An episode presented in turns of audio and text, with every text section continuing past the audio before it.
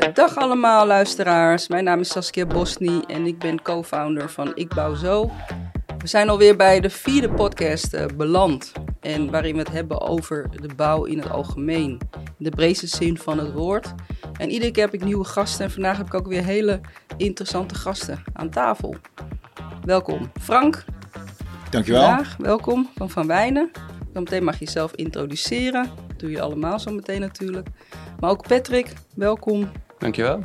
En ook Michel. Nou, Bedankt. het is leuk om vandaag echt verschillende expertises aan tafel te hebben. Uh, ik begin even met Frank. Stel je even voor en uh, voor welk bedrijf werk je? Frank Alberts ben ik en ik werk voor het bedrijf Van Wijnen. En daar uh, ben ik verantwoordelijk als uh, adjunct-directeur voor de afdeling renovatie en transformatie in de vestiging van Amsterdam. Uh, ik ben 49 jaar, woon in Zaanstad en uh, werk al heel wat jaren in de Amsterdamse, waar ik uh, hele leuke projecten heb mogen maken en meemaken. Uh, altijd, altijd opgegroeid, ook opgetogen en uh, geboren en getogen in Zandam? Of? Nou, eigenlijk in een dorpje er net naast, uit Geest. Dat is een Uit klein Geest, dorpje. ja. Dat is een soort enclave op zich, zeg maar. Net geen Kennemerland, net geen Zaanstreek, net geen Ja. West-Friesland. Ik weet nog wel dat je daar uit kon gaan. Bij Bob, eh, Bob's, ja, geloof Bobs. ik. Ja, ja, dat klopt. Dat klopt. Ja, nou leuk. Uit Geest. Ja. Ja. En later, toen je ouder werd, ben je eigenlijk naar Zaanstad gegaan. Ja, toen ben ik eh, op een gegeven moment getrouwd en het huis uitgegaan. En eh, het, zo waar het ouderlijk huis van mijn vader eh, mogen kopen in Wormerveer. Oh. En dat is alweer 23 jaar geleden. En nu woon ik in Krommenie, dus nog steeds in het Krommenie. Zaanse. En, ja, Ja. ja, Leuk. is Dus mijn moeder net verhuisd. Mijn moeder woonde tot eh 5 mei in Comedy. kijk eens aan. Dus, eh, dus ik ken het goed. Ja, Ja. ja. bekend terrein. Nou, dat is goed om te horen. Ja, ja, ja zeker. Nou, leuk zeg. Eh, welkom, dus dank je wel ook. Patrick. Yes, Patrick van Leeuwen, jezelf. 38 jaar, eh, manager bij eh, Bob KOB. Wij zeggen altijd de opleider voor de bouw van de bouw. Dat klinkt als een hele commerciële slogan, maar wij zijn een stichting. En wij zijn letterlijk van de bouw voor de bouw. Eh, en eh, nou, daar zal ik straks misschien wat meer over vertellen. Eh, wat zei ik? 38 jaar. eh, ben binnen Bob KOB verantwoordelijk voor ons team van opleidingsadviseurs. En kom zelf ook veel eh, bij bouwbedrijven over de vloer. Eigenlijk door het hele land, maar de laatste periode voornamelijk in regio Randstad. Waar ik ook woonachtig ben met mijn gezin en twee kinderen. Ik Waar kom- ben je woonachtig? in Haastrecht. Ik kom oorspronkelijk uit Rotterdam, of heb met mijn vrouw altijd in Rotterdam gewoond. En eh, zijn toen mijn eh, zoontje, die is inmiddels acht geboren is, eh, richting Haastrecht verhuisd. En er is nog eentje onderweg. Dus mijn vrouw is op dit moment hoogzwanger. En nou, over zo'n acht weken verwachten we nog een extra zoontje erbij, om het zo maar te zeggen. Nou, wat eh, leuk, zeg. Spannende tijden. Wat een rijkdom. Want absoluut, acht weken dus. Het is niet dat je nu weggebeld Nee, wordt. nee, nee, moment. dat, dat niet. Dat is niet aan de orde. Nee. Nou, hartstikke leuk. En vind je het Ja. leuk wonen daar? Eh, ja, was wel heel erg wennen vanuit de grote stad eh, naar, een, eh, naar een dorpje. Maar ik merk dat dit voor de kinderen wel heel, heel prettig is. Die kunnen zelf naar school en lekker buiten spelen en da- dat soort dingen. Dus ja, Ja. bevalt goed tot nu toe. En is het iedere keer veel op en neer rijden in jouw werk? Ja, je, je bent veel onderweg. Ehm, ik heb ook een tijdje regio Noordoost gedaan. Nou, dan, dan zit je wel eens in de auto naar Groningen. Als je daar dan om acht uur moet zijn, dan, dan kun je raden hoe laat je dan op moet staan vanuit de regio Randstad. Ehm, maar wel heel erg leuk, want je komt eh, op die manier bij heel veel verschillende soorten bouwbedrijven. Je spreekt met heel veel verschillende mensen. Ehm, je werkt samen met opleidingsbedrijven in de regio, ehm, waaronder ook veel eh, nou, collega's van jou, van bouwmensen.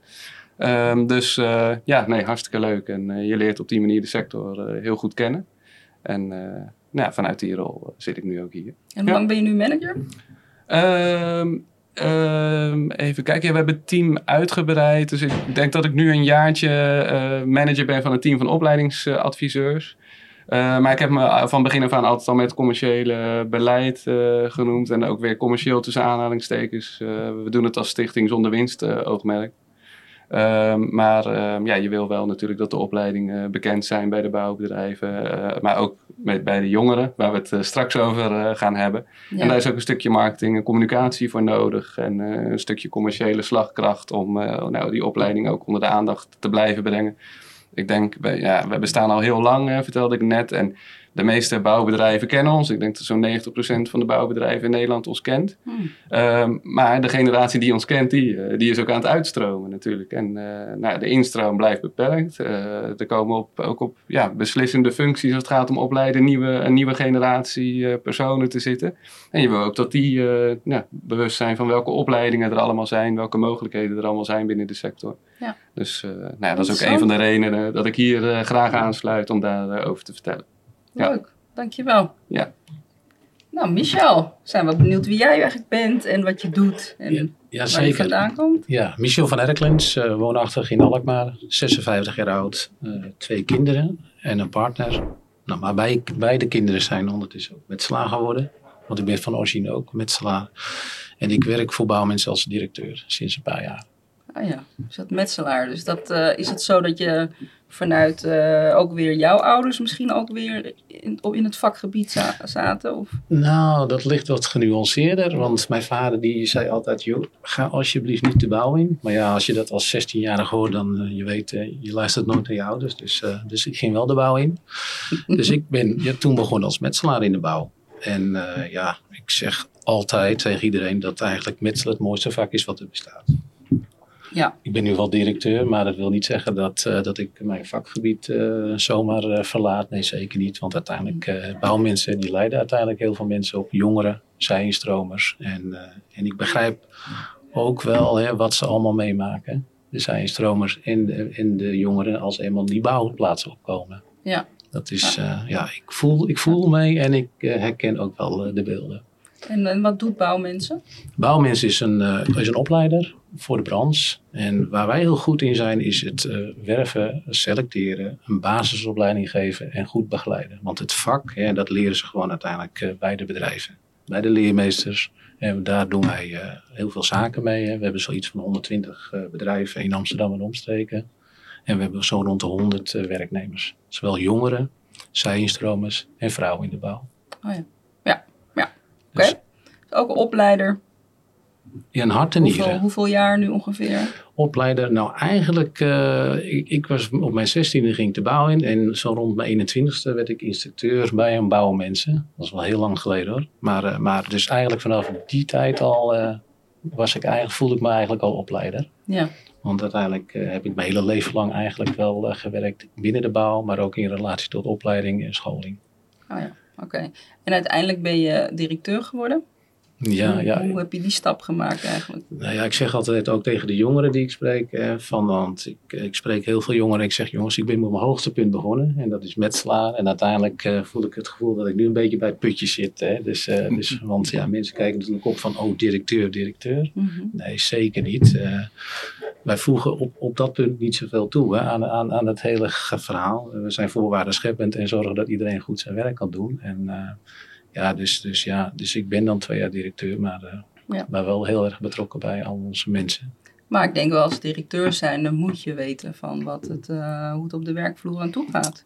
Zeker. En uh, ik denk dat dat de beste directeuren zijn, lijkt mij. Ja. dat je gelijk instroomt en eigenlijk nooit uh, cement of wat dan ook in je handen hebt gehad. Nee, dat, dat is waar. Alleen er zit natuurlijk wel een fout al in. Hè, dat je denkt van dat, dat ze dan alles moeten doen op mijn manier die ik gewend ben te doen. Hè. Dus ik probeer wel wat afstand te houden. Want uiteindelijk de mensen waar we mee samenwerken, die, uh, ja, die zijn ook heel goed in hun werk.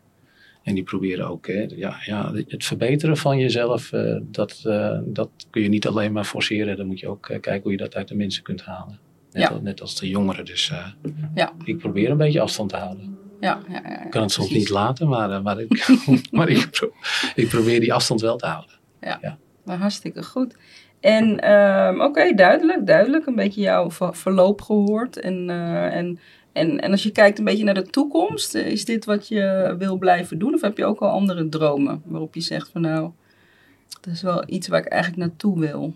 Nou, waar ik naartoe wil is uh, dat er gewoon meer, ja, dat, dat bouwmensen zeg maar, zich beter voorbereiden op de toekomst. Hè? Mhm. Dus, dus uh, mijn droom is als uh, bouwmens Amsterdam gewoon veel breder in staat is om jongeren te bereiken, maar ook zijnstromers. Mhm. En die ook op een goede manier ook zo voor te bereiden dat de bedrijven daar uiteindelijk ook uh, content over zijn. Ja. En, en, en dat content zijn is met name als we kijken naar de bedrijven, dat bedrijven ook goed voorbereid zijn op de toekomst.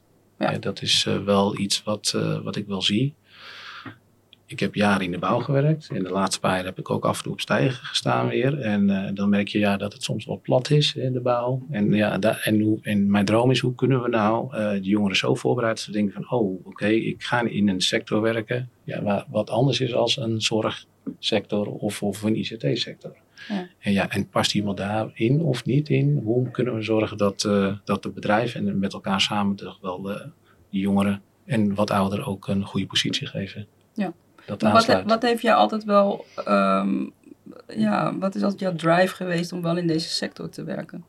Het opleiden, de, de, de, de, omgang met jongeren, eh, de ervaring met de jongeren en directe contact met jongeren. En, eh, en ik denk ook door de ervaringen die ik heb geleerd en eh, door schade en schande, want te laat komen, ja, dat is mij ook wel eens overkomen.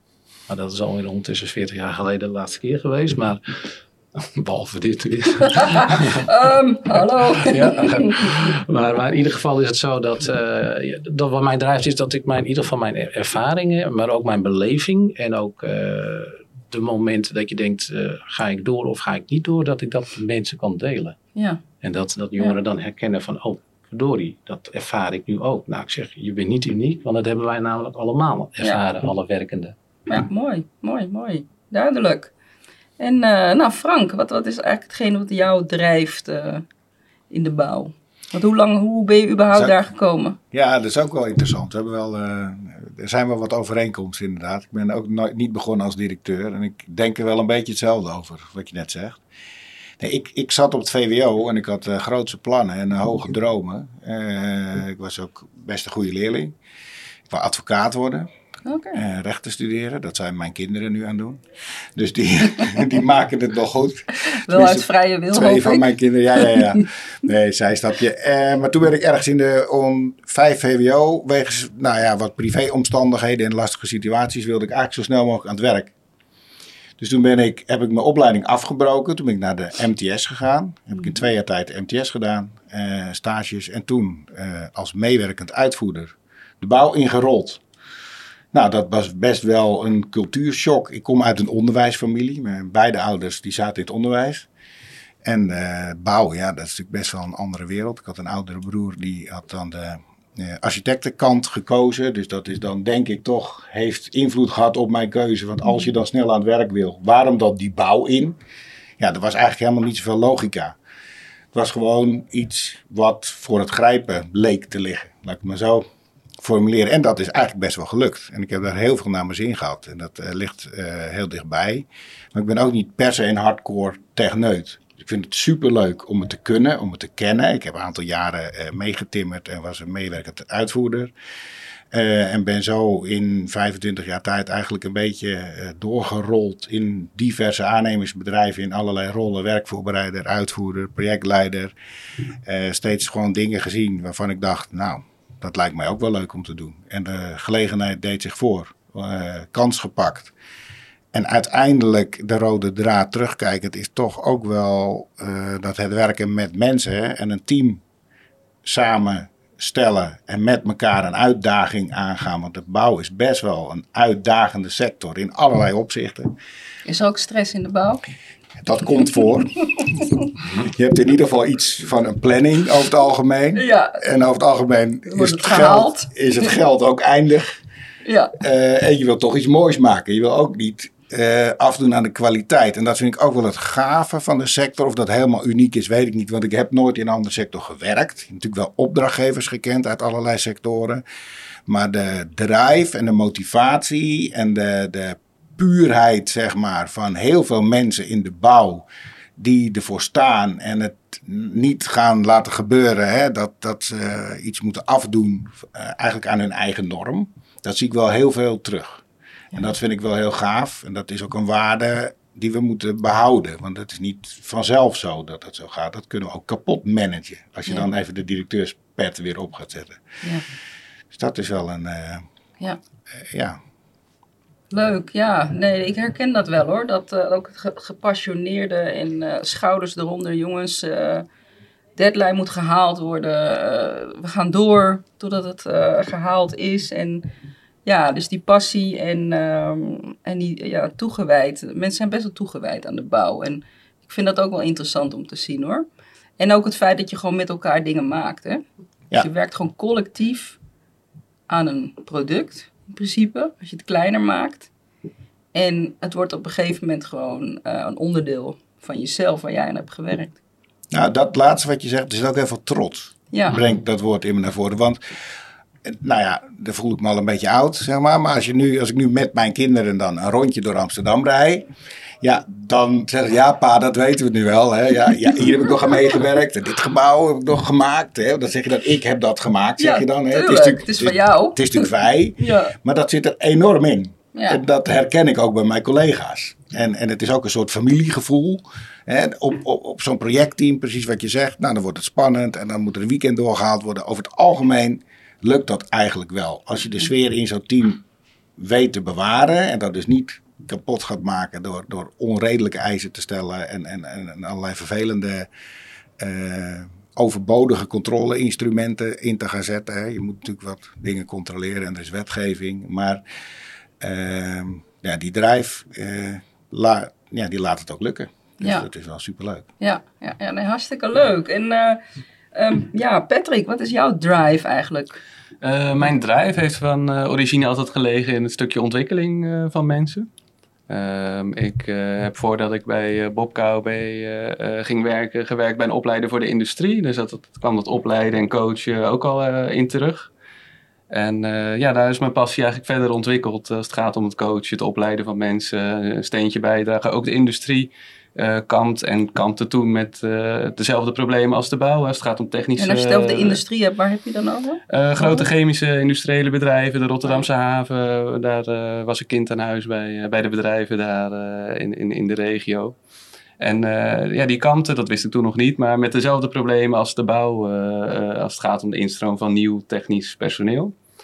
Ehm, en eh, ja, ik vond het leuk om als jongere, zeker toen nog, eh, daar, eh, ja, daar die brug te slaan tussen de, de oude techneuten en de nieuwe instroom. Want daar, kunnen we misschien straks verder op ingaan, maar daar merk je ook nog wel eens wat verschillen in. En ehm, vanuit de industrie ehm, ben ik uiteindelijk als carrière stap gaan werken voor een grote uitgeverij als uitgever. En daar zat ik vooral op veiligheidsvlak, dus Arbo informatiebladen, chemiekaarten. Ehm, dus het werken met gevaarlijke stoffen.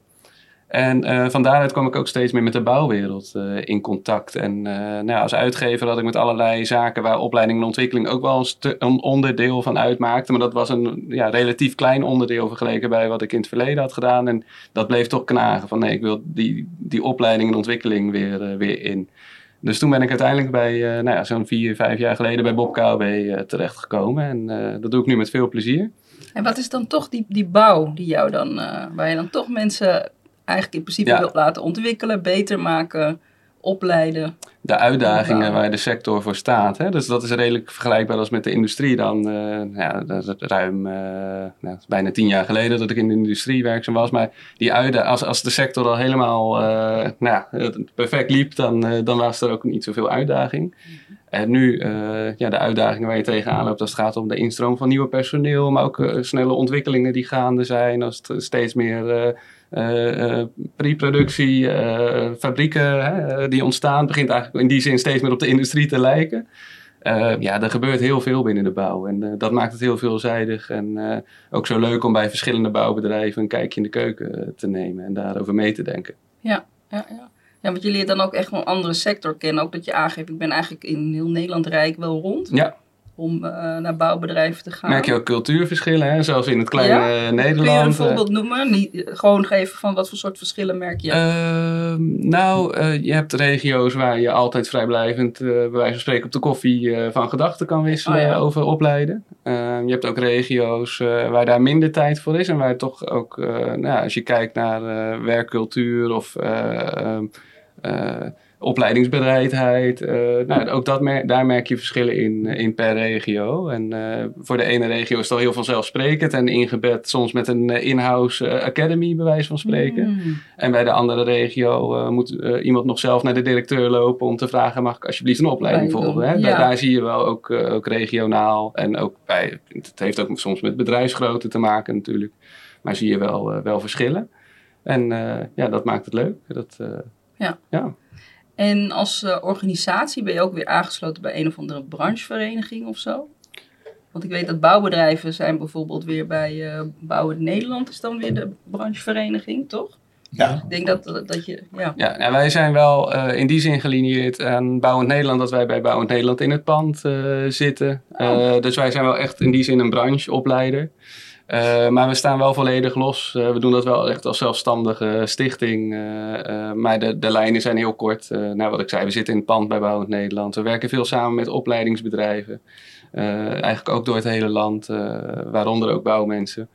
Um, wij bouwen mensen, de vakmensen, de timmermannen, de metselaars, uh, verbeter me ja. als ik het niet goed zeg, opleid. Uh, zitten wij eigenlijk in die, in die fase daarna, als iemand bijvoorbeeld door wil groeien naar assistent-uitvoerder. Of, ja. Uh, ja, en daarom kan die samenwerking ook goed samen of, plaatsvinden, omdat we elkaar opvolgen in die, in die keten. Want is dat dan, Michel, is dat dan niveau 2 wat jullie dan weer doen? Nee, dan... wij, uh, wij, bieden in samenwerking met het ROC van Amsterdam doen we dat uh, vier niveaus aan. Hè. Entree, assistentopleiding uh, proberen wij een rol te spelen voor, vanuit, voor, vanuit bouwmensen richting jongeren en, en, ouderen. Niveau 2 is zeg maar de basisopleiding, timmeren, metselen en servicemedewerker gebouwen. Voor de mutatie onderhoudstimmerman. En niveau 3 is dan dus echt maar de vakopleiding. En niveau 4 is de uitvoersopleiding. Ja, en vakopleiding, wat bedoel je dan? Dan vakopleiding is dan, dan bekwaam je zeg maar van, van uh, een beginnend timmerman naar al meer een volwaardig timmerman op, als beginnersberoepsoefenaar. Hè? Want voordat je echt een timmerman bent, ja, dan ben je gewoon zes, zeven jaar verder. Ja. Dat je dus zeg maar een vanuit een bepaalde routine al heel veel klussen kunt uh, doen. Ja. En dat zijn zeg maar de vier niveaus. Maar we werken ook heel intensief samen met de KLB als het gaat uh, over uh, de uitvoersopleiding. Oh, sorry, de aannemersopleiding ja. of de kostenbewakingsopleiding. Dus er zijn in die bouw zo, zo enorm veel mogelijkheden als wat betreft carrière. En het laatste trajectje, want dat is ook wat ik net niet heb genoemd, is proberen wij ook MAVO, HAVO uh, jongeren te koppelen aan de opleidingen. Dus niet Ja. gelijk vanuit het theoretisch uh, concept, maar juist van eerst meetimmeren, wat, uh, wat ik ook net hoorde van mijn buurman. Maar eerst meetimmeren en dan, dan, dan groeien, doorgroeien naar uh, middenkader. En, en hoe lang duurt zo'n traject dan? Want moet ik het zien dat als ze vanaf MAVO, HAVO een soort snuffelstage gaan doen? Of een soort verkenning? Een soort verkenning inderdaad is dat. En de, over het algemeen duurt de opleiding dan drie jaar. En dat is een combinatie van uh, tot en met niveau 3 vaklokaal timmerman uh, zijn. En dan ook krijg je uh, de KOB-modules van bouwmanagement, calculatie, werkvoorbereiding. Dus dan laten we het brede verhaal zien van Klopt. de bouw. Ja. Want die bouw is zo enorm breed en diep dat je daar, ja, ik, ik kan niet anders als de bouw, hè, want dat is toch waar ik in opgevoed ben, waar ik me ook ontzettend naar mijn zin voel op allerlei manieren, ook op de bouwplaats. Dus ja, en er zijn zoveel carrière mogelijkheden. En dat, dat start al van projectontwikkelaar tot en met uh, de onderhoudsverhaal uh, van corporaties. Het is enorm breed en diep. Dus... En waar zie je eigenlijk de meeste kansen in die hele ontwikkeling van de bouw voor jongeren? Voor jongeren. Dus waar ligt volgens jou de grootste vraag? Nou, de grootste vraag is uh, dat ik denk, hoe krijgen we het beter voor elkaar als techneut? Hè? En ik ben ook een, echt wel een techneut om toch eens even afstand te nemen en even in andere bewoording te gaan vertellen wat nou die bouw inhoudt. Hè. Dus, uh, dus, uh, dus de grootste uitdaging ligt erin van we moeten het op een andere manier gaan presenteren. Mm -hmm. Dus eigenlijk het stukje marketing, hè? Ja. commerciële marketing. Nou, niet, nou, zo presenteren, niet dat het een, een mooi gelikt verhaal is. Hè, want we moeten, want nee. wat we wel eens okay, merken... maatschappelijke marketing. Maatschappelijke marketing. want ik bereid altijd ook zeker designstromen die vanuit andere sectoren komen, vanuit de zorg of andere sectoren. Ja, die zeg ik jongens, denk erom. Je komt in een sector terecht waar soms dat je dingen hoort die je ene oor ingaat en de andere oor weer eruit. Maar als je overal kijkt in de totaliteit, dan ben ik van overtuigd dat je enorm naar je zin zult hebben. Ja. En dat kost tijd. Ja, ja precies. Oké, okay, duidelijk. En wat, wat denk jij in jouw werk, wat je tegenkomt, wat dan, waar ligt uh, voor jou zeg maar de grootste vraag op dit moment bij die instroom? Voor mij uh, vanuit, uh, vanuit KLB uh, perspectief, uh, ja. ja.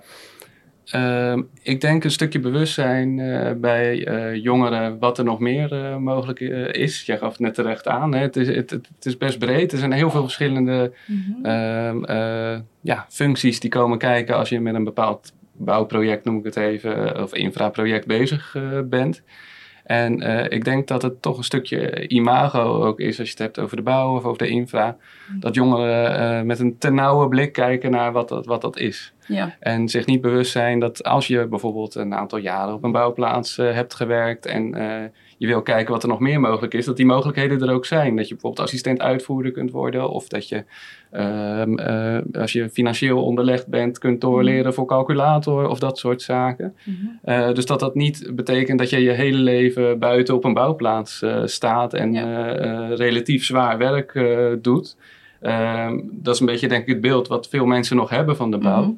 Ehm, en nou goed, wij hadden het uh, voorafgaand aan de podcast er ook al even over. Je ziet juist eigenlijk een verschuiving binnen de bouw ook van buiten naar binnen. Er wordt mhm. steeds, nou, ik noemde uh, op voorhand ook een beetje uh, dat, dat steeds meer fabrieken ook worden opgetuigd om dingen in preproductie te nemen.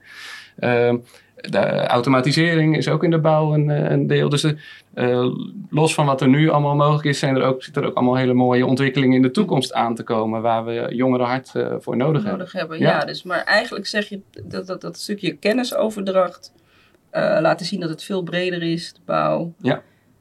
Um, en laten zien, en, en die beweging van buiten, de mogelijkheden van buiten naar binnen. Dat je daar wat meer kennis over geeft. Dat dat ook echt gewoon perspectief bieden. Ja. En Frank, herken je dit? Wat hier, uh... Ja, 100 procent. Wij, uh, en het is juist de combinatie die we nodig hebben. Want als we alleen maar theoretisch opgeleide personen naar binnen zouden halen, dat, hè, de, de norm wordt steeds hoger en dan BIM hè, is zo'n bouwinformatiemanagement staat er dan voor. Dus dat is heel veel digitalisering met 3D-modellen waar je nog allerlei aanvullende informatie in kwijt kunt. Nou, dat is uh, opkomen, dat hebben we heel veel nodig. Dan denk je toch heel gauw aan IT'ers en theoretisch opgeleide mensen. Mhm. Wat wij nu ook al zien, nu we daarmee aan de slag gaan, dat als we mensen uh, daarmee laten werken die alleen maar dat stukje beheersen, die missen juist weer hun affiniteit met hoe dat straks buiten op die bouwplaats daadwerkelijk uit gaat pakken. En wat daar wel en niet kan. En wat de mhm. logische volgorde is, om maar een onderdeel te noemen. Dus die combinatie en ook de wisselwerking die er moet zijn binnen een bedrijf, maar ook binnen de sector tussen allerlei verschillende toeleveranciers en partijen. Um, die nodig is om uiteindelijk een bouwwerk tot stand te brengen. En dat, heb, dat hebben mensen misschien ook niet in de gaten. Want die zien vaak die grote keten en die vlaggen van die hoofdaannemer staan. En die heeft ook de regie. Maar uiteindelijk zit daar een enorme keten onder van tientallen bedrijven, leveranciers, onderaannemers, partijen die, die daar allemaal hun stukje bij kunnen brengen met hele specifieke kennis. En dat moet allemaal bij elkaar gebracht worden en samen één gebouw worden, wat het gaat doen. Ja. Installatietechniek, woord is nog niet genoemd, is, is er nog een wereld op zich. Als je denkt in de hele uh, ontwikkeling die dat heeft doorgemaakt. Hè, waarom zitten we lekker in een gebouw? Waarom voelen we ons behagelijk? Ja, dat is omdat die installatie goed werkt. Dat klimaat wordt beheerst in, in, in vocht, in temperatuur, in, noem het allemaal maar op. Dat is nog een wereld op zich. Ja. Er zijn allemaal mensen die daar zowel een model moeten kunnen bedenken van nou wat voor type installatie heb je daar nodig. Dat is best een theoretisch, abstract, hoogopgeleide uh, mensen zijn dat die dat kunnen doen. Maar er moet ook iemand die luchtkanalen erin sleutelen. En als we die missen, dan gaat het ook niet werken. Dus dus juist die combinatie en die verbinding, uh, dat is wat het heel interessant maakt. En dat is ook wat het, dat werd al gezegd, het is echt enorm breed. Dus als je zegt, ik werk in de bouw, ja, daar heb je eigenlijk nog niet zo heel veel mee gezegd. En als je dan zegt, waar zit de grootste behoefte? Dan is het wat mij betreft juist in die uh, praktische kennis. En of je die nou toepast door met je handen daadwerkelijk wat te maken, of dat je die toepast door dingen zo voor te bereiden of te organiseren uh, dat het door iemand met zijn handen gemaakt kan worden, dat maakt er niet zoveel uit. Ja. Nou ja, we hadden het dus net ook heel even over het feit dat, je, uh, dat het praktische gedeelte ook heel belangrijk is. Ook op het moment dat je dat gaat uh, toepassen, op het moment dat je vanaf kantoor gaat werken, dus binnen gaat werken. Um, we hebben het ook heel even gehad over die digitalisering. En ook over dat, uh, nou ja, op een gegeven moment gaat, gaan dingen best wel naar industrie. Zei jij hè, net, uh, Patrick, van een beetje die kant op, qua de fabrikant, veel meer de fabrikant op. Um, hoe zien jullie deze ontwikkeling? En, en, en wat is het, denken jullie, nodig de komende jaren om jongeren daarop voor te bereiden? Wie wil daar wat over zeggen? Ja, ik kijk daar wat eh, diverser tegenaan. Want kijk, natuurlijk, je hebt natuurlijk eh, die procesindustrialisatie, wat, wat de nieuwbouw met name doormaakt. Maar ik denk dat, uh, dat de renovatie daar, ja, dat is toch wel een stuk ingewikkelder, denk ik. En daarnaast hebben we natuurlijk ook nog een heel ander gebied. En dat is het vakmanschap en ambacht. Als het gaat over het restaureren van gebouwen. Hè. We krijgen steeds meer rijksmonumenten in Nederland. Hoe verder, hoe ouder Nederland wordt. En, en je mist daar geef. Je, geef je daar eigenlijk mee aan dat uh, renovatie Um, uh, dat je daar in principe het, het prefabwerk, dat je dat minder, daar niet ja. kwijt kunt. Minder, ja, minder. Minder? Nee, maar ik geef daar ook aan, de, nogmaals, daar hadden we net ook al over, de diversiteit die je kunt doen hè, in de bouw. Kijk, als mensen zeggen, ja, ik ben gek op logistiek en ik ben gek op tempo maken of, of, of dingen met elkaar samen doen, daar zit je veel minder natuurlijk in die nieuwbouw. Waar, qua teamverband zit je natuurlijk veel sterker met elkaar ben je bezig. Je bent met de logistiek bezig, je bent met... Uh, allerlei ingewikkelde details of bouwknopen ben je bezig en noem maar op, hè, met, met al die partijen bij elkaar. Dan zit je nou weer in de restauratie ambacht, heb je meer een historisch besef nodig, heb je een, eigenlijk andere kwaliteiten nodig. En ik word helemaal razend enthousiast. Ik word er s'nachts misschien wel wakker van. Als ik iets mag restaureren, want dat is eigenlijk mijn, uiteindelijk, uiteindelijk mijn uh, beroep uh, geweest voor een tijdje. Ja, daar word ik ontzettend blij van. Okay. Ook nieuwbouw minder, maar ja, ik ben niet de persoon voor de nieuwbouw, want ik ben niet zo snel een metselaar geweest. Dus uh, ik werd alleen maar een, af en toe eventjes uh, vooruit gedirigeerd van even tempo maken, maar dat zat niet in mij. Ik zat veel meer in het mm. andere werk. Ja, dus die verschillende disciplines zijn, ja, het is, wat ik al zei, het is heel breed uh, in je mogelijkheden. Ja. En dat is de zoektocht, hè. Wat, wat, wat, wat maakt jongeren, waar, waar worden ze enthousiast van? ja, dat, ja, dat zeggen natuurlijk van wat voor persoon ben je. En ja, waar sta je dan voor en wat wil je heel graag doen? Ja, ja. Herken jij dat ook, uh, Frank? Ja, ik sluit me daar wel bij aan. Ik, ik denk dat dat hele industriële proces eigenlijk een toevoeging is op de sector. En als je even helemaal uitzoomt, we komen met z'n allen in de BV Nederland gewoon nog onvoldoende aan de bouwproductie toe. Dus, dus dat maakt ook de noodzaak en ook het verdienmodel uiteindelijk hè, om te gaan industrialiseren. Even los van um, dat dat natuurlijk te maken heeft één op één mm -hmm. met het feit dat er onvoldoende instroom van personeel is. Dan ja. zoek je toch naar andere oplossingen en dan ga je automatiseren, industrialiseren. Uh, maar dat is eigenlijk alleen toepasbaar op de nieuwbouw. Ja, dus eigenlijk is dat het mankracht uh, die je tekort komt en, en eigenlijk het moet, het moet snel gebouwd worden. Dus vandaar dat, dat je dan ja, vanuit uh, industrieel, dat zeg maar die invloed daarvan, dat dat kan bijdragen aan het sneller afkrijgen van ja, projecten. Ja, ja sneller. Nou, niet alleen sneller, het gaat ook om de beheersbaarheid en, en de. Um, uh, Wat ja, bedoel je met beheersbaarheid? Nou, beheersbaarheid van het proces en van de kwaliteit. Dus, dus een, ook een gebouw, dat is ook nog een onderwerp wat we niet geraakt hebben als je denkt aan regelgeving. Als je een, een lijst zou maken waar, aan wat voor regels en wetten eigenlijk een gebouw in zijn totaal zou moeten voldoen op alle onderdelen, dan is dat een boek. Ja. Um, nou, om dat beheersbaar te maken, dan, dan in de industrialisatie ga je natuurlijk standaardiseren. Dus daar heb je een heleboel van die regels dan automatisch al te pakken. Zonder dat het eigenlijk nog fout kan gaan. Dat is ook wel, zit daar heel erg in. En dat kan je natuurlijk op gebouwniveau, op, op hele hoge elementenniveau doen. Maar dat gebeurt natuurlijk ook al uh, in al die partijen waar ik het net over had, ieder onderdeel voor zich neemt dat stukje verantwoordelijkheid vaak over. Dus als je uh, gevelsystemen, dat is een wereld op zich. Ik noem maar wat. Hè. Dan heb ik het over aluminium, glas. Als je denkt grote gebouwen, uh, commerciële gebouwen, dat zijn vaak hele grote indrukwekkende gevels. Hoogbouw, dat is een vak op zich. -hmm. Uh, dat zit ook wel in renovatie of transformatie. Hè? Dat, dat je zegt, nou laten we die gevel, uh, die voldoet niet meer aan uh, isolatiewaarde of, of wat er ook mee is. Of het is gewoon niet meer van deze tijd. Nou, dan kan je het gebouw gewoon in stand laten en dan ga je de gevel vervangen. Nou, dat is specialistisch werk. -hmm. En dat doe je dan vaak wel in de fabriek? Laat je dat dan? Dat heb je niet zeg maar een metselaar bij nodig? Of... Dat, dat, hangt er dus vanaf. Dat is een interessante vraag. Ja, jammer hè. Dat, ja. ja. Nee, dat, nou ja, de metselaar is daar, ja, in principe zijn er natuurlijk niet zoveel metselaars. Wat, wat we zien ook is dat er gewoon als we in Noord-Holland kijken, misschien hooguit uh, 10 tot 15 metselaars jongeren instromen. En als we dan landelijk kijken, is dat al jaren, loopt het al achteruit. Dus, en wat, wat Frank ook zegt, ja, je gaat Hoeveel zei je? Kun je dat herhalen? 10, 15 uh, metselaars in Noord-Holland instromen per jaar, jongeren.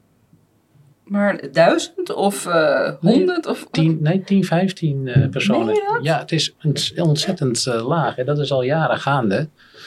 En, uh, maar, maar kijk, wat, kijk, je gaat er dus naar alternatieven zoeken. Dus de metselaar zal ook veel meer in de niche-markt gaan zitten. In de, in de vrije sector, renovatie en, en de restauratie. En die nieuwbouw, ja, die zal op een bepaald moment gewoon, daar zal de metselaar op een bepaald moment ook niet meer aanwezig zijn. Nee, daar, daar zie je al robot uh, oplossingen. Ja. Zowel op de bouw, dus echt daadwerkelijk een robot die op de bouw die stenen gaat verwerken en tot een muurtje maakt.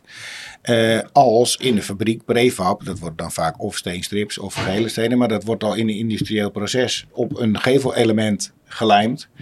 En uh, dat ziet eruit als metselwerk, maar dat, dat is geen metselaar aan te pas gekomen. Wat vind je daar nou van, die robot-metselaar? Ja, Voel je dat? Nou, of nee, nee, nee, er wat je? Nee, nee, zeker niet. Kijk, overal waar ik kom, hè, ik kom uh, bij allerlei directies of van, van onderwijsinstellingen en dan zeggen ze altijd, wat, wat, wat is jouw, wat, wie ben jij? Ik zeg, ik ben een directeur, maar ik zeg, ik ben eigenlijk metselaar. Nou, dan zitten ze me al aan te kijken van, uh, metselaar, metselaar, je, je, je, communiceert goed, je voldoet niet, uh, je bent niet echt... Uh, maar dan heb je precies de kern Je van het niet probleem krom. te pakken, hè? ja, Ja, wat daarom bedoel er je geen, daarmee? Daarom er geen jongeren instromen. ja, ja, Want precies. het- dat beeld ontstaat bij, Ja. als jij metselaar bent, dan eh, loop je buiten op de bouw, dan kan je nooit directeur worden. Ja, Want, eh, kijk, precies. je moet vanuit het perspectief van een jongere, die wil natuurlijk later een zo goed mogelijke baan. Eh, Ja. Zeker met wat je op social media ziet. Hè. Je ziet allemaal succesverhalen, dat willen jongeren ook. En terecht, de, de- de- als ze hard werken, dan kunnen ze daar waarschijnlijk ook zeker eh, komen. Eh, maar je begint natuurlijk inderdaad wel, eh, ja, je begint daar niet direct. Ja. Ehm, dus een stukje bewustwording van dat, dat je als metselaar bijvoorbeeld, of nou, wat voor andere functies je dan ook bekleedt, die bijvoorbeeld nog buiten zijn of nog niet zijn op die plek waar jij wil zijn. Dat is wel waar het begint. En dan, maar het bewustzijn dat je via allerlei paden, er leiden meerdere wegen naar Rome, wel op dat punt kan komen wat je ambieert Ja. voor de lange termijn. Ja. d- dat stukje bewustzijn, dat, ik denk dat we daar heel veel winst kunnen behalen. Als we dat weten over te brengen naar jongeren. Ja, kijk, en, en ik, ben dus, ik voel me nog steeds een metselaar. Dus als directeur promote ik de metselaars. Ik noem de Timberly dat uit. Dat is wel leuk in de bouw. hè. Houten Klaas. Hè. Het is altijd, er zit ook ontzettend veel humor op zo'n bouwplaats. Hè. Ik zit tussen de Houten Klaas in. Maar doordat ik dat vak metselen aandacht geef, hebben we in ieder geval weer vier, vijf eh, jongeren. Hebben we weer in opleiding naar, naar heel veel jaren in Amsterdam. Ja. Dus, dus eh, ja, het is, en, en vooral als je kijkt maatschappelijk, eh, dan gelukkig dat het langzamerhand gaat kent, dat tot vakmanschap toch weer langzamerhand wordt gewaardeerd door iedereen. ja, toch wel. Eh, ja. Merk je daar een verandering in? Hoe lang Ja, merk je een beetje die verandering? Nou ja, kijk, als ik een, iemand wil hebben voor mijn cv-installatie, eh, dan moet ik goed gaan zoeken. En dan ben je misschien over twee maanden de eerste. Dus je merkt ook gewoon doordat de pu- publiciteit, denk ik, in de krant en dergelijke. hè, De bouw staat heel centraal nu. Hè, de energietransitie, ook met name over. eh, eh, want ik zeg altijd, techniek heeft heel veel dingen verpest voor het milieu. Maar het is, het is ook uiteindelijk ook de sector die alles weer kan oplossen. Ja, ja, ja, ja. Toch ook weer de snelheid en, eh, en wat je zegt ook de wet en regelgeving die dan beter wordt nageleefd. Ehm, ja, maar zien, zien jullie, hoe zien jullie de toekomst voor de bouw? Hoe zien jullie de toekomst voor, eh, in relatie tot de snelheid van bouwen, in relatie tot het mankracht? Ehm, ik las eh, vorige week in ieder geval dat, eh, ja, dat we gewoon de aantallen niet gaan halen, de woningbouw, landelijk. Ehm waren ook best wel hoge, hoge aantallen. Eh, 100.000 per jaar eigenlijk. Ehm, vergunningen worden ook niet meer vrijgegeven. of moeilijker in ieder geval. Aan de andere kant, dat zijn, is de woningbouw. Je hebt natuurlijk ook de utiliteitsbouw. En je hebt, je hebt de infra. Dus van, van alles dat we... eh, ja, we gaan natuurlijk... Er moet heel wat gebeuren nu. De komende... Ik denk dat het misschien wel de komende tien jaar... Dat het heel cruciaal is van of wij eh, onze doelstelling, of überhaupt kans is om bepaalde doelstellingen te gaan halen. Hoe denken jullie daarover? Wat willen jullie daarover kwijt? Uh, het, het tegenstrijdige op dit moment binnen de bouw- en infrasector is dat er aan de ene zijde een enorme bouwopgave is en aan de andere kant allerlei regels zijn die dat enigszins of, uh, stilleggen. Uh, los van wat de reden daar dan uh, van is of welke politieke overtuiging daarachter zit. Maar dat maakt het voor bouwbedrijven, maar ook voor opleiders, erg lastig om daarop te anticiperen. Want ja, aan de ene kant weet je, er zijn heel veel, het is heel veel instroom nodig voor woningbouw. En bedrijven hebben gekwalificeerde medewerkers nodig om, om die bouwopgave aan te kunnen. En aan de andere kant liggen op dit moment de opdrachten langzaam een beetje stil. En, en, en zie je een verschuiving bijvoorbeeld naar onderhoud en renovatieprojecten, omdat daar nog wel werk is. Mm -hmm. Dus ja, dat, dat zijn allemaal tegenstrijdige ont ontwikkelingen. Aan de ene kant zie je eh, in de woningbouw een stukje uh, automatisering waar we het over gehad hebben. Maar aan de andere kant hebben we ook de vakkrachten nodig. Uh, en ja, dat, dat, dat is lastig om op, op te anticiperen op dit moment binnen de bouwsector. En hoe, hoe doen jullie dat binnen Bob KOB? Nou, wij zien op dit moment uh, binnen Bob KOB dat omdat bedrijven ze hebben een hele drukke periode achter de rug. Uh, er waren veel projecten de afgelopen jaren. Uh, dat is in ieder geval wat ik tijdens mijn bezoeken terug hoor. en nou, zeker in de woningbouw, als dat nu die projecten stilvallen of minder zijn dan voorheen. Zien wij nu op de korte termijn dat bedrijven juist investeren in hun medewerkers en ze gaan opleiden, want er is weer wat meer tijd voor vrijgekomen. Uh, het is ook beter te behappen voor medewerkers naast hun werkzaamheden een opleiding te volgen als je het iets minder druk hebt. Uh, maar wij gaan ook als opleider natuurlijk merken als dat langer duurt en inkomsten uitblijven en verschuivingen gaan plaatsvinden. Dan zal er uiteraard ook op opleiden uh, wellicht bezuinigd worden. En ja, dat is, ook dat is natuurlijk niet, niet goed voor de sector. Nee, nee. duidelijk. Ja. Terwijl, hè, want je vraagt hoe kijken jullie naar de toekomst als je denkt aan de bouw. De behoefte is natuurlijk enorm. Dus dat, het is precies wat je zegt, het is heel tegenstrijdig. Maar vanuit welk perspectief is die behoefte enorm? Er is behoefte aan woningen, mhm. aan scholen, aan passende huisvesting voor allerlei doelgroepen. En wonen niet in de laatste plaats. Dus uh, dat de vraag, uh, er is geen sprake van vraaguitval. Precies. Uh, en dat maakt het perspectief uiteindelijk ook wel weer zeker. Dus de uitdaging die we nu hebben is hoe moet die vraag uh, uiteindelijk landen in concrete projecten die ook uitgevoerd kunnen worden binnen alle regelgeving enzovoort. Nou ja, uh, het is natuurlijk lastig om te zeggen wat daar precies voor nodig is. Daar is in ieder geval ook in de politiek hoop ik dat daar in ieder geval consistent beleid op tafel gaat komen. Welke afslagen er op allerlei gebieden ook precies gekozen worden.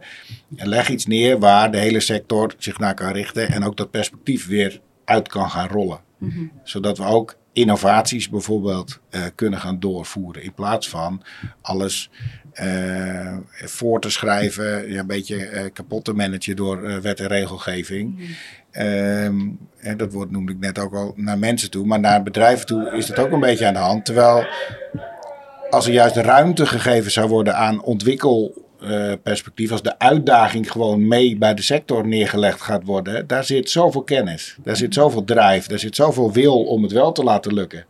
En ook best nog wel capaciteit. Ja, dan denk ik dat er uh, hele mooie oplossingen op tafel komen. En denk je dat, dat, dat op dit moment heel veel wordt kapot gemanaged? Dus uh, als je kijkt naar jaren geleden in de bouwsector? Ja, ik ervaar dat in ieder geval persoonlijk veel meer. Dus het betekent ook dat het moeilijker wordt om te bouwen. Ja. Komen er steeds meer wetten en regelgeving bij? Uh, op dit moment wel. En dat het, het allermoeilijkste is. Uh, uh, en dan moet je een beetje oppassen wat je zegt. Maar de hele nieuwe wetgeving eh, uh, die gaat ook weer decentraler plaatsvinden. Dus Wat bedoel dat, je daarmee? Decentraal, dat gemeenten als lokale overheid een eigen invulling mogen kiezen voor allerlei wet en regelgeving. Dus dat betekent als je als bouwbedrijf een project gaat doen in Alkmaar of in Amsterdam of in uh, Groningen dat je met andere regels te maken hebt. Ja, dus je moet dat je is best veel, ingewikkeld. Je moet je verdiepen in die regels daar. Om te weten van wat mag ik doen, wat mag ik bouwen en ga ik überhaupt meedoen aan die aanbesteding ja. misschien. Ja. Ja. Ja. Ja, dat lijkt me ingewikkeld worden. Dat is ook ingewikkeld. Dat, dat is natuurlijk ook weer, als je denkt in perspectief, in jongeren, in werkgelegenheid, hè, dan ik blijf toch een grenzeloze optimist. En daar liggen kansen, absoluut. Dan liggen er dus ook kansen. Want als je, wat nou als je daar heel goed in wordt? Ja. Dan kan in, je die dus, wetten en regelgeving, in, uh, ja. Ja, in dat begrijpen, in dat vertalen naar concepten, of in aanpasbare concepten, in flexibiliteit, in invullen van bepaalde werkmethodieken die mhm. daarop in kunnen spelen. Dan zet je jezelf dus niet vast. Hè, als er een regeltje komt wat jouw methode blokkeert, moet je jezelf opnieuw uitvinden. Dus, dus die flexibiliteit en die, die lenigheid misschien wel, uh, ja, dat zijn kansen. En dat zijn ook type mensen die dat dus kunnen. Ja, ik, ja ik, ik, denk ook hè, dat vooral als je als jongere zegt ik kies voor de bouw, je leert je vak, hè, leer je goed, dan zal je nooit zonder werk zitten. Daar ben ik helemaal van overtuigd. Ja. Maar je moet wel weerbaar worden op de arbeidsmarkt. Dus dat betekent dus niet gelijk heel smal gaan opleiden. Je moet wel wat breder opleiden, want ja, stel zo dat in de nieuwe bouw iets minder te doen is, kun je altijd nog eh, doorschuiven naar de renovatie. Ja. Dus je moet wel, ik denk wel dat wij als opleiders gewoon breed moeten blijven scholen, waardoor, uh, waardoor die weerbaarheid alleen maar toeneemt uh, voor de vakman. en niet alleen op technisch voor, gebied, maar ja. ook organisatorisch, communicatief en al dat soort elementen. Ik, ik denk dat dat ook iets van deze tijd is, hè? los van de bouwsector. En welke sector je ook werkt, uh, of je nou jong of oud bent. ik denk dat het zelfs voor ons geldt. Er zijn, de, de, de ontwikkelingen, Wij zijn nog jongen. De ontwikkelingen gaan zo snel. Ehm, waar je ook werkt, je zal, uh, nou ja, we noemen dat wel eens een leven lang leren, maar je kan het ook een leven lang ontwikkelen blijven noemen. En of je dat nou via een opleider doet of op eigen houtje. Uh, tegenwoordig zijn er online natuurlijk hartstikke veel mogelijkheden om ook zelfstandig uh, te zorgen dat je nou, je door blijft ontwikkelen. En uh, als jij echt wat over BIM wil weten, nou, dan uh, kan je echt daar heel veel online over vinden, al op voorhand. Hè. ik sta hier, niet dat je geen opleiding moet gaan volgen, dat, dat bedoel ik niet. Maar je kan wel al kijken van, hey, in hoeverre ligt daar mijn interesse door je daar zelf in te gaan verdiepen op voorhand. maar waar ik eigenlijk naartoe wil met mijn verhaal is dat je de ontwikkelingen gaan zo snel in welke sector je nou ook werkt, of dat nou bouw is of bij wijze van spreken een andere sector. Uh, je zal je moeten blijven ontwikkelen, wil je weerbaar worden, wil je sterk blijven staan op die arbeidsmarkt. Anders zijn er uh, drie anderen die dat wel doen en uh, die wel klaarstaan voor die veranderingen. En, maar goed, ik denk dat dat een, niet alleen in de bouw speelt, maar in de breedte op de arbeidsmarkt. Ja, ja. Nou, herkennen jullie dat ook? Ja, herken ik helemaal. En ik, ik sluit me ook helemaal aan bij wat Michel zegt. Uiteindelijk heb je ook altijd vakmensen nodig. Want het blijft gewoon dat materiaal moet verwerkt worden. Hoe je het ook went of keert. Aan welke regels het ook wel of niet moet gaan voldoen. Uiteindelijk moet het wel gemonteerd worden die, door iemand die snapt wat hij doet. Ja, ja. ja, maar toch hoor ik ook wel dat je veel specialistischer uh, mensen nodig hebt die op bepaalde elementen gaan zitten. Dus misschien wel die wet en regelgeving. Maar misschien ook mensen die dat veel beter die machines weten te besturen. Die, uh, die machines hebben onderhoud nodig? Die hebben onderhoud nodig. Nou, we hebben net even de robot uh, metselaar. Die moet waarschijnlijk, uh, die machine moet misschien ook wel aangestuurd worden. Of, Betekent dus... ook iets van hoe je je planning maakt, hoe je calculeert. Het, het, ja, een, een wijziging in, in de keten betekent ook iets voor andere afdelingen en andere functies. Ja, hoe maak je een stijger voor een metselrobot? Die ziet er anders uit dan voor een metselaar. Precies. Ja, om al wat te noemen. Ja, je hebt geen trappen meer nodig. Nee.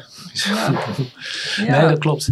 Nee, dat klopt. Dus daarin zit natuurlijk ook enorm veel mogelijkheden. Dat je dus niet alleen dat, dat je dus als vakman in de bouw uiteindelijk gebruik maakt van totale andere instrumenten. Kijk, kijk maar naar de sloper, hè. die maakt gebruik van uh, robotslopers. Ze staan op een afstand uh, te kijken met een, uh, en met de joystick sturen ze aan, maar ze zullen echt niet in de buurt van het lawaai zijn en de trillingen. En zo hebben we tal van voorbeelden al in die bouwwereld, waar, waar je dus op allerlei manieren mee aan de gang kunt. Ja, en vooral als je kijkt naar de fabrieken. Volgens mij een mooi voorbeeld is van Wijnen in uh, Noord-Nederland. Die een enorme fabriek heeft staan. Nou, daar heb je meer procesoperators nodig dan Wat dat je daar... fabriek hebben jullie daar staan? Ja, dat is inderdaad een woningfabriek. Dus dat is, uh, die is al aan proefdraaien. De eerste commerciële orders uh, die liggen daar nu op de band. Dat is een nagenoeg volledig geautomatiseerde fabriek. Waar gewoon complete woningen en ook straks appartementengebouwen uitrollen. En die uiteraard op een plek weer in elkaar gezet moeten worden. Dus die elementen komen de kanten klaar met kozijnen, gevelstenen, uh, alles uh, komt eruit.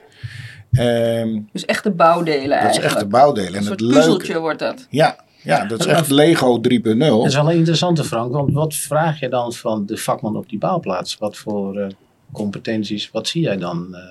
Waar moeten wij als opleider daarop inspelen? Of zeg je van nou, dat doen we zelf wel? Of, of hebben jullie daar een idee? Ja, dat, dat, daar ontstaat dus weer inderdaad naast die fabriek. Ja. En nog één ding wil ik over zeggen, okay. dan, dan ga, ik, ga, ik, op je vraag in als het mag. De, uh, want de fabriek zelf, dat is dus inderdaad vooral een ICT-kunststukje. Want hoe krijg je al die elementjes die nodig zijn om uiteindelijk dat ene element te krijgen. Dat zijn echt tienduizenden onderdelen die erin zitten, die allemaal gelabeld willen, die, worden, die allemaal een toeleveringsketen hebben, die op tijd op de juiste plek terecht moeten komen om verwerkt te worden in uh, die fabriek. Nou, er zijn mensen in ons bedrijf die dat nog veel beter kunnen vertellen dan ik. Er zijn ook rondleidingen, dus dat is best wel interessant. Ja, ook zeker. voor leerbedrijven. Ja, ja top. Uh, ja. dat kan gewoon. een mooie uitnodiging. Ja, zeker. Ja, zeker. Dus die staat. Eh, maar daar zie je dus dat het hele ICT-vraagstuk daar ook al een, een hele nieuwe wereld opent. En inderdaad, want toen begon, dan beginnen natuurlijk die elementen die fabriek uit te rollen. Dan krijg je ook het eh, montagebedrijf eigenlijk, wat daarna opgericht is. Eh, anders dan de traditionele. eh, even afgeleid.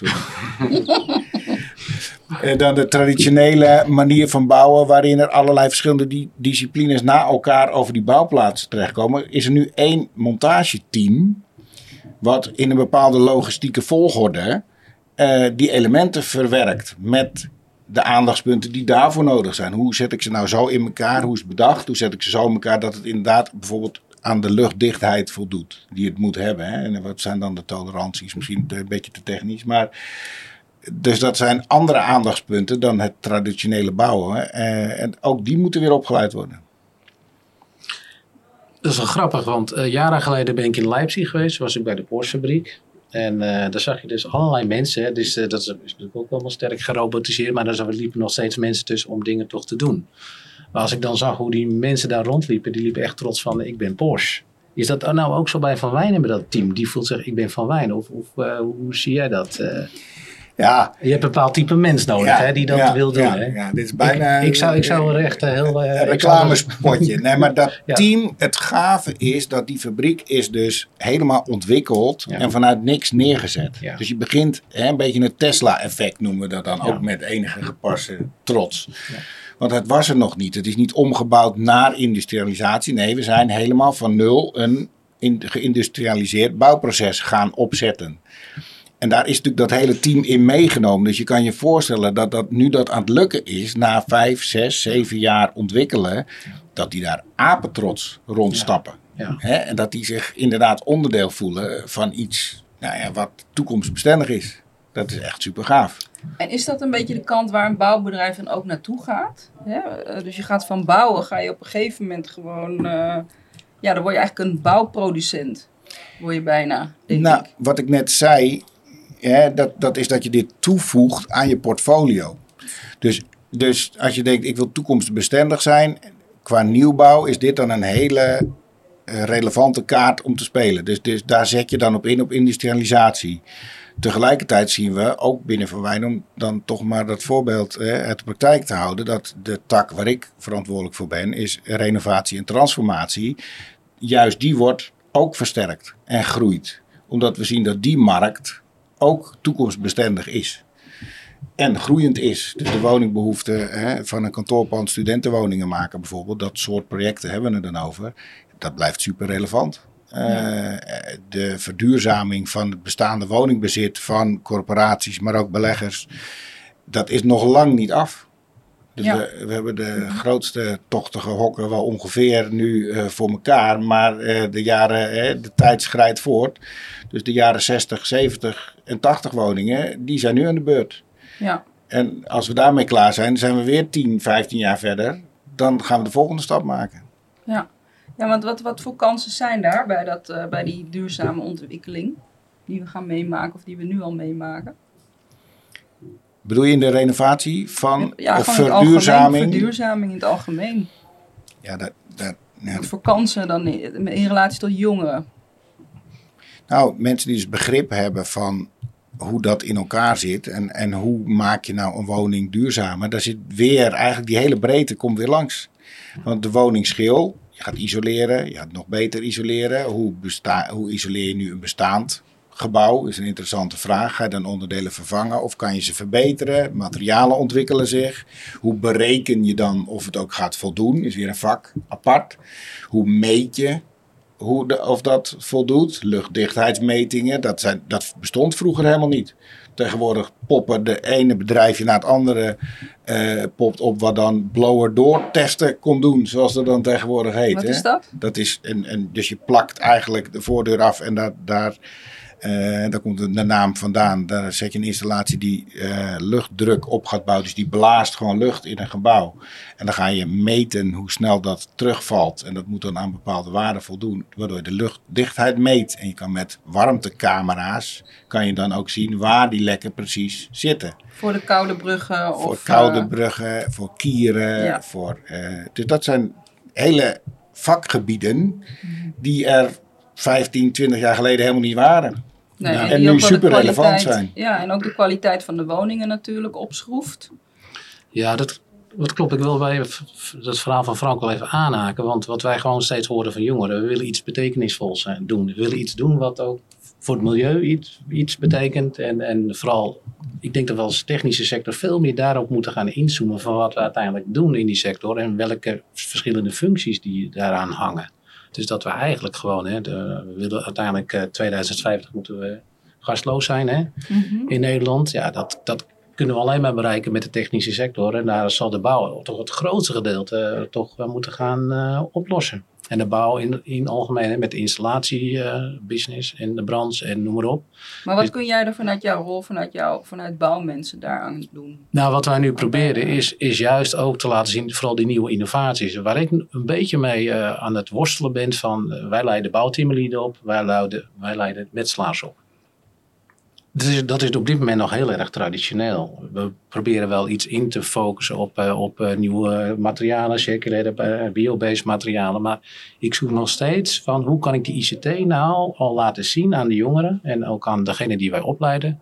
Wat praktischer in onze werkplaats. Hè. Je, hebt natuurlijk het augmented reality verhaal. Hè. Dus als jij projecteert op een muur en dat, dat je dan kan zeggen van nou, op de bouwplaats krijg je informatie van oké, die eh bouten moet je gebruiken, die eh, noem maar op.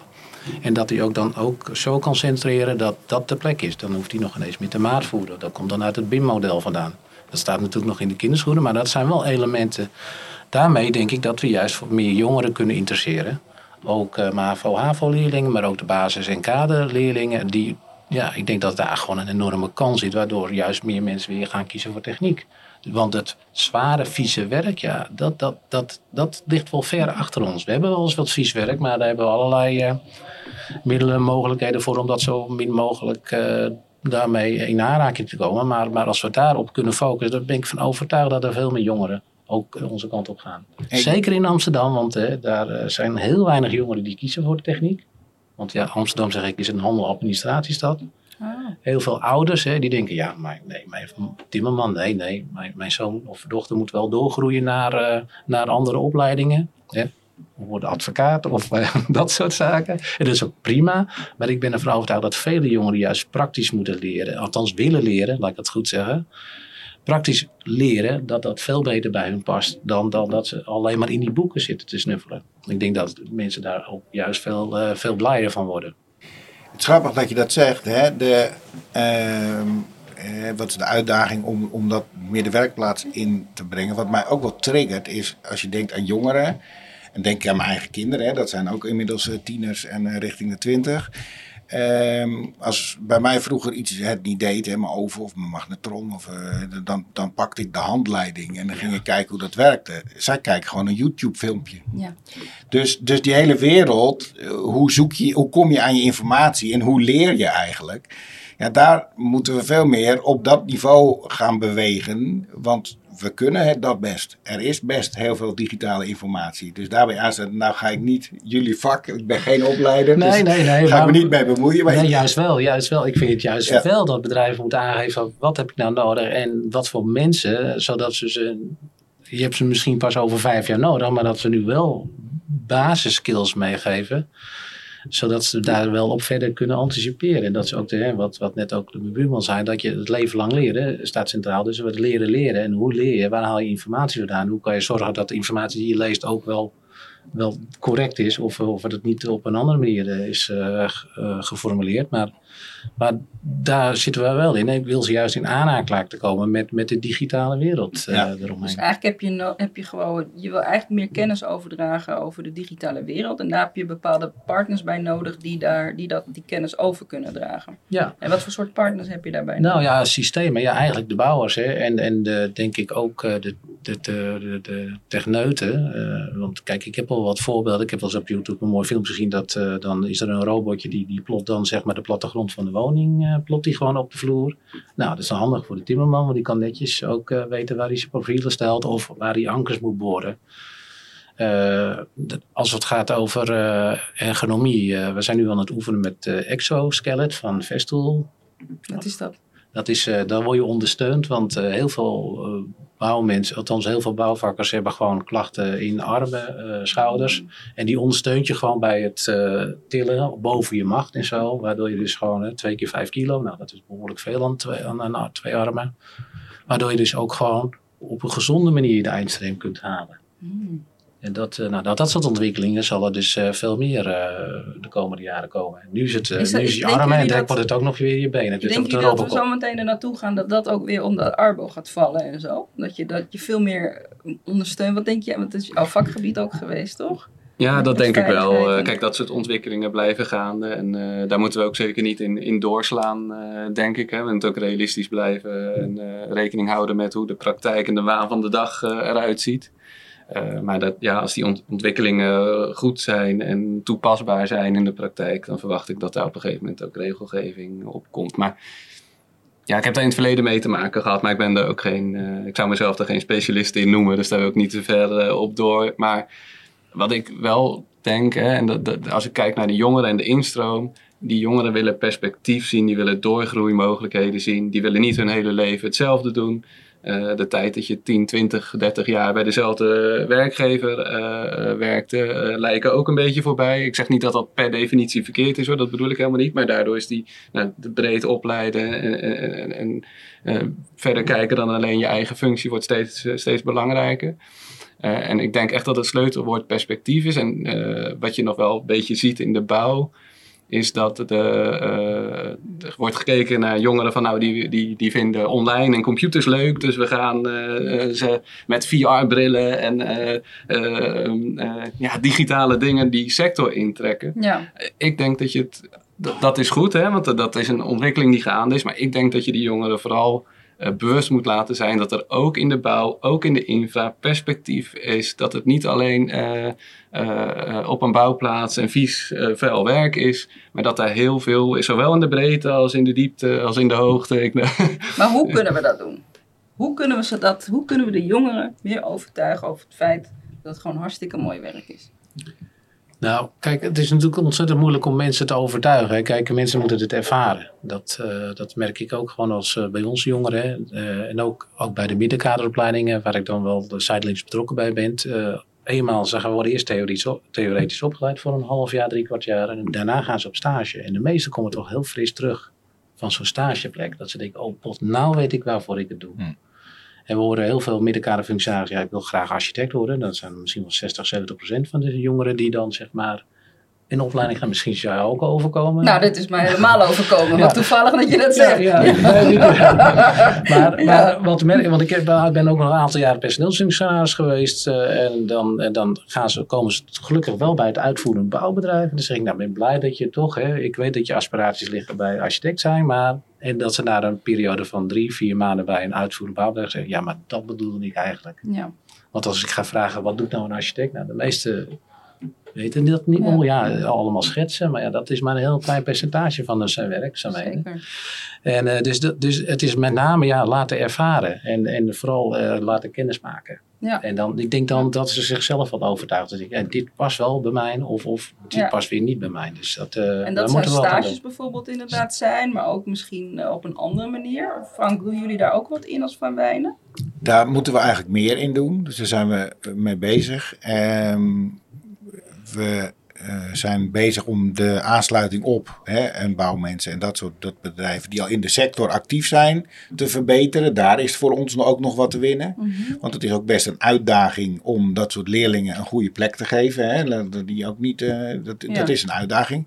Ook onze mensen moeten namelijk in staat zijn om jongeren en leerlingen te begeleiden. Mhm. Naast dat ze een goede vakman moeten zijn, dan ben je niet per se een goede leermeester. Nee. Hè, we hebben bijna de dag van de leermeester, dus dan Ja. zetten we ze weer even in het zonnetje. Dat is hartstikke goed, want dat is een soort apart die zowel het vak zelf goed kan verstaan, als dat iemand bij kan brengen. Maar goed, dat was je vraag niet. Ja, Wat ik denk wat er ook moet gebeuren, meer moet gebeuren als sector, maar dus ook als bedrijven zelf, is eerder laten zien ehm, dat je eh, keuze hebt om eh, de bouwsector te kiezen. Namelijk bij het gewone middel, reguliere middelbare onderwijs. Want je ziet dat kinderen al heel vroeg, in mijn perspectief te vroeg, maar oké, moeten kiezen welke kant ze op willen gaan. En ik denk dat we dat onvoldoende op het netvlies hebben. ja, dus je zou bijvoorbeeld al ehm, eh, als jongeren, nou ja, tussen de, wat is het, tussen de 11 en de 14 of zo, Ja,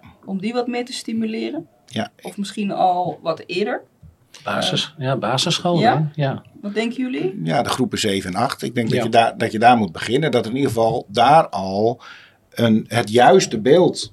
Ontstaat van wat de bouw is. En dan mogen ze zelf kiezen. Want het Ja. past ook niet bij iedereen. Maar eh, ik denk dat er ja, genoeg kinderen zijn die gewoon... Maar dan niet, hier heb je blokken en hier heb je een graafmachine, ga maar Nee. bouwen. Mhm. Maar dat bredere eh, Ja. perspectief bieden. Ja, maar laat- hoe, ja, hoe denk ja, jij ja. dat? dat Nou, dat ze bouw Dat niet alleen re- relateren aan een graafmachine of Ja. eh, aan een mo- mooie vrachtwagen, ik noem maar iets. Mm, Uh, maar dat ze de bouw ook gaan zien als een, uh, een sector waar je met computers kan werken. Of een uh, sector uh, waar je een heel mooi uh, standbeeld kan renoveren. Ik, ik, ik noem maar Ja. even iets hoor. Ja, maar uh, ja, ja. gewoon die breedte laten Ja. zien. Dat het niet Ja. alleen woningbouw of uh, leidingen trekken of uh, viaducten neerzetten is. Ja. Maar dat, of snelwegen aanleggen. Maar dat het breder is dan dat. En dat er heel veel verschillende mogelijkheden zijn. Ja, en laten we daar, daarin vooral niet de ouders vergeten van de kinderen. Want die bepalen natuurlijk eh, best wel heel veel de, de keuzes die eh, de kinderen maken. En, eh, dus dat die Die ook, ouders hebben ook een beetje een opleiding nodig. Ja, die moeten ook meedoen in die, nee, die, Die- moeten meedoen in die Ja. programma's. Maar die ouders worden ook jonger. En die zijn inmiddels ook jongeren. Ja. Hè? Of tenminste, die, die Ja. zou je ook als jongere kunnen... Als ik even vanuit Ja. bouwperspectief perspectief kijk. Ik ben 38 en ik ben echt jong in de Ja. bouw. Ja, je, kan, je kan wel science er allemaal. Een mooie timmeropleiding. eh. Maar, hè, d- maar 38, tuurlijk, dat is een mooie leeftijd. En dat is nog relatief jong. Maar met jongeren bedoelen we natuurlijk eh, nou ja, eh, eind ja, eh, tienerjaren, begin twintiger jaren. Ja. Eh, en als 38 al jong is. Dus enerzijds in die voorlichting laat dat ook door relatief jonge mensen doen, zou ik dan zeggen. Hè? De- de- de- En, Ja. ehm, eh, maar ook die ouders zijn eh, voor bouwbegrippen jong, zeg maar. Dus ook die halen hun informatie op andere plekken eh, dan misschien in, eh, in het verleden. Eh, en het zijn ook misschien wat eigenwijzer geworden dan in het verleden. Vroeger als een, een, een, een leerkracht of een docent zei van nou, uw zoon is wat praktisch eh, ingesteld. Dan nam je dat aan en dan ging je daarmee een, een vervolgopleiding kiezen. En nu zijn de ouders misschien wat eigenwijzer en zeggen nee, mijn kind gaat naar de HAVO. Ja. Hè, de ouders zijn ook op dat, dus ook die doelgroep, noem ik het even, veranderd. En ja, dat zijn heel veel verschillende factoren eh, waar je je bewust van eh, moet zijn. Maar ook, ook nou, dat zal jij misschien bij Van Wijn ook herkennen. En Van Wijn is toevallig een voorbeeld. Ik ken Van Wijn ook relatief goed, eh, waar veel aandacht is voor opleiden. Maar hoe aantrekkelijk ben je als werkgever? Eh, bied je een, een, een academy aan binnen je organisatie, zoals Van Wijn eh, nou, toevallig eh, eh, weet ik doet. Ehm, en ehm, eh, ja, dat soort zaken. Want eh, ja, dan kom je weer op een stukje perspectief. En, eh, maar ook de plek waar je jongeren informeert, de manier waarop. Nou, wij doen het nu bijvoorbeeld door een podcast. Ik denk dat dat ook al iets moois is. Eh, nieuwe, nieuwe media misschien. Ja. Hè? Dat, eh, dat soort dingen. Dus ja. Ja. Ja. Nou, interessante invalshoek. Zo had ik het eigenlijk nooit, nooit bekeken. Dat je eigenlijk ook andere type ouders hebt. Die je eigenlijk ook op een andere manier moet meenemen. En die ook op een andere manier aan hun informatie komen. Ja. Hadden jullie het ook al eerder zo? eh, Nee, ik eh, vind het een goede tip. ja. Ja, dat was niet het eerste wat bij me opkwam in ieder geval. Nee. Nee, nou, ja, ik heb, we hebben wel een paar programma's gedraaid. eh, ik denk dat ik 10, 15 jaar geleden al wat deed in Amsterdam met, het, eh, met een bouwlab. eh, dat is ook zo'n concept wat we nu, nu weer aan, opnieuw aan het uitvinden zijn. Waarin ik altijd, zeker in die middenkaderfuncties, eh, dat, zo kwam het ook eh, met, met de HAVO-scholen en MAVO-scholen ook, eh, dat de studenten dan door een programma heen lopen. En uiteindelijk doen ze een eindpresentatie met alle ouders erbij. En dan, ja, daar weet je, je moet, je moet iedereen de, eromheen betrekken. Ja. Kijk, mijn zoons zijn metslager geworden niet omdat ik, ja, ik benadrukte wel steeds dat het eigenlijk het mooiste wat je kunt doen. maar uiteindelijk zijn ze dat geworden omdat hun vriendenkring omheen ook metselaar werden. Ik denk, nou weet je, dan ga ik ook maar metselen. Dus Ja. is, soms, eh, het is natuurlijk niet te definiëren, want elke zaterdag als we in de stad liepen, ze kijken, dat is een mooi gevel. Dan zeggen ze altijd, nou pap, eh, Ja. hou je mond een tijdje. Dat weten we ondertussen wel. Maar uiteindelijk zijn er andere omstandigheden geweest waardoor ze uiteindelijk die keuze hebben gemaakt om eh, als metselaar Ja. te starten. Nou, interessant. Ehm, ik zit een beetje te denken, welke onderwerpen we nog niet gehad? We hebben best veel besproken. Zijn er zelf nog dingen waarvan jullie het nog even over willen hebben? Wat we nog niet hebben aangeraakt. Ja, er zijn zoveel dingen. Maar- Ja, dat, dat weet ik. Dat weet ik. Ik denk misschien... Nou, eh, nou ja, ik, ja, ja. Ik, nou wat, wat Frank net al zei, maar de rol van de leermeester is essentieel. En, eh, en de bouw heeft daar best wel een goed systeem voor ontwikkeld. Hè. Dus eh, meerdere dagen trainingen krijgen de leermeesters. De bedrijven selecteren gewoon mensen die ook, hè, ook geschikt zijn als leermeester. En dat hoeft echt niet de perfecte vakman te zijn. Die heb je, misschien heb je juist iemand nodig die iets minder vakman is. Maar die dan ook in staat is om ook, ook jongeren te begeleiden. En ook, eh, ook, eh, ook eh, inzien van hey, als er ergens dingen vastlopen, dat ze gewoon ook daar op een goede manier kunnen anticiperen. En dat, Ja. en dat traject, dat, dus er zijn binnen de bouw is daar best wel heel veel aan gedaan. en daar wordt nog steeds veel aan gedaan. Dus ik denk dat dat wel een. een, een- belangrijk kan zijn. ja, zeker. Geven jullie zelf ook trainingen aan leermeesters? Bob? Nee, nee we- eh, wel aan eh, onze docenten. En, eh, maar wij zitten natuurlijk een beetje op middenkader eh, niveau. Dus wij hebben iets minder met leermeesters Ja. eh, te maken. Wat je wel ziet is dat leermeesters of ervaren bouwprofessionals ervoor kiezen om bij ons docent eh, te worden. Om vanuit hun ervaring kennis over te brengen. En daar zijn we heel, heel blij mee. Ja. Ook daar zie je een ontwikkeling. Eh, We willen daar heel graag, eh, heel graag verjongen in ons docentenkorps. Dat lukt deels. Maar, maar we zouden dat eigenlijk graag nog veel meer zien. Omdat die ook dan een betere eh, of nog betere connectie kunnen maken met die, de nieuwe jongere instroom. Ja. Maar je ziet ook, ja, ook daar is een ontwikkeling gaande. Hè, Werk-privé-balans is steeds meer aandacht voor. En we willen graag docenten uit de praktijk. Eh, en dan noem ik even eh, voor degenen die luisteren. Ik doe met mijn vingers maak ik eh, aanhalingstekens of quote-tekens. Ehm, eh, die, die, als jij tussen de- een jongere bent tussen de 20 en de 45, noem ik het even, dan heb je een druk gezinsleven, eh, je kinderen sporten, eh, je hebt de druk op je, op je baan, je zit nog in de bloei van je carrière. En ja, vroeger was het dan misschien normaler om daarna ook nog, daarnaast ook nog naar netwerkbijeenkomsten te zijn, en misschien les te geven en je passie te delen over dat technische aspect van je functie. En nu kiezen mensen er toch vaker voor om voor een bepaalde werk-privé-balans. en die tijd dan gewoon thuis eh, door te brengen. Dus ehm, ja, ook daar veranderen jongeren in. Maar we zien dat zelfs in docenten. Ehm, nou, we hebben nieuwe collega's de afgelopen periode aangenomen. Er is er misschien één die fulltime werkt en de rest is allemaal vier dagen of minder. Eh, dat zijn ook trends en ontwikkelingen die, die gaande zijn. En ook, ook iets voor de bouwsector om over na te denken. Van hoe aantrekkelijk ben ik als werkgever? Wat zijn bij ons qua flexibiliteit eh, de mogelijkheden die ik medewerkers bied? Mhm. Dus je merkt, wij merken dat als opleider in de, in de docent, eh, in docentenkorps en in nieuwe medewerkers. Maar ook dat eh, is iets wat landelijk gaande is binnen alle sectoren. Maar dus Ja. ook binnen de bouwsector. Ja, ja. Ja, ja, ja, ja. Dat herken ik ook wel wat je daar, eh, Ja. wat je daar aangeeft. Ja. Ja, nee, hartstikke mooi. Ik denk dat we eh, richting een afronding gaan. En ehm, ik zou zeggen van ook, eh, wat zouden jullie nog tot slot nog jongeren mee willen geven? zie de bouw in een eh, breder perspectief. En ja, als je interesse hebt hè, in techniek of in daar affiniteit mee hebt, maar je bent nu bang dat je in een eh, functie eh, komt dat je eh, ja, door weer en wind vies werk moet doen, omdat dat jouw beeld is van de bouw. Weet dan dat er veel meer is dan dat en dat je je echt in de breedte, maar ook in de hoogte kunt ontwikkelen eh, als het gaat om je carrièrepad. En ja, ik denk dat dat het vanuit mij is. Mooi, dankjewel. Patrick.